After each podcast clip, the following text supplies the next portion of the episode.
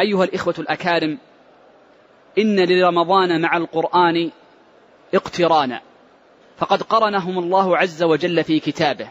قال الله عز وجل شهر رمضان الذي أنزل فيه القرآن وقال جل وعلا بخصوص العشر وليلة فيه إنا أنزلناه في ليلة القدر وهذه الدلالة وهي دلالة الاقتران في كتاب الله عز وجل لها اعتبار عند بعض أهل العلم إما فقها أو معنى وبلاغة.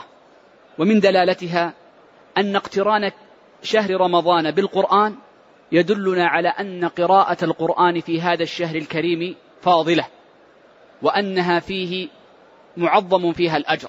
وهذا ما فعله النبي صلى الله عليه وسلم. قال ابن عباس رضي الله عنهما كان النبي صلى الله عليه وسلم أجود الناس وكان أجود ما يكون في رمضان حينما كان يدارسه جبرائيل القرآن.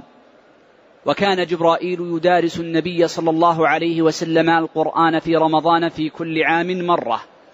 إلا في العام إلا في العام التي قبض فيها النبي صلى الله عليه وسلم.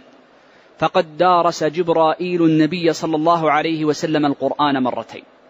وهذه هي العرضة الأخيرة التي أخذها الصحابة من في النبي صلى الله عليه وسلم وكتبوا بها القرآن وكانت الأحكام متعلقة بهذه العرضة الأخيرة التي دارس فيها جبرائيل النبي صلى الله عليه وسلم القرآن.